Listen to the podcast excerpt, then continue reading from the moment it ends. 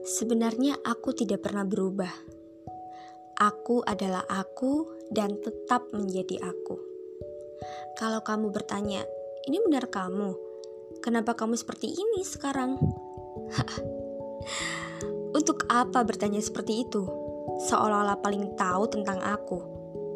Kamu saja tidak pernah ada 24 jam bersama aku. Oke oke baik-baik. Jadi aku yang kamu lihat sekarang ini adalah siapa sebenarnya aku. Hanya saja dulu ia masih cupu. Aku adalah bentukan masa lalu yang telah melewati banyak fase. Aku yang dulu berteman dengan keadaan dan menghasilkan aku yang sekarang. Masa lalu yang jadi bekal agar tidak berbuat konyol itu yang membuat aku terlihat berubah.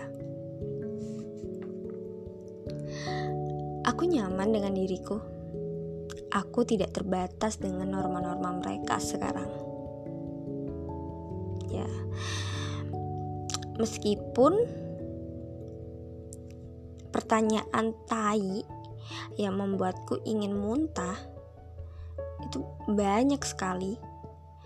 Tapi menurutku untuk apa menjelaskan detail aku kepada satu-satu orang? yang nantinya akan membuat satu lubang yang tidak akan pernah tertutup. Ya kan? Jadi, mungkin penjelasan di podcast ini cukup menjelaskan bahwa ya aku adalah aku. Tidak pernah berubah. Yang berubah adalah keadaan.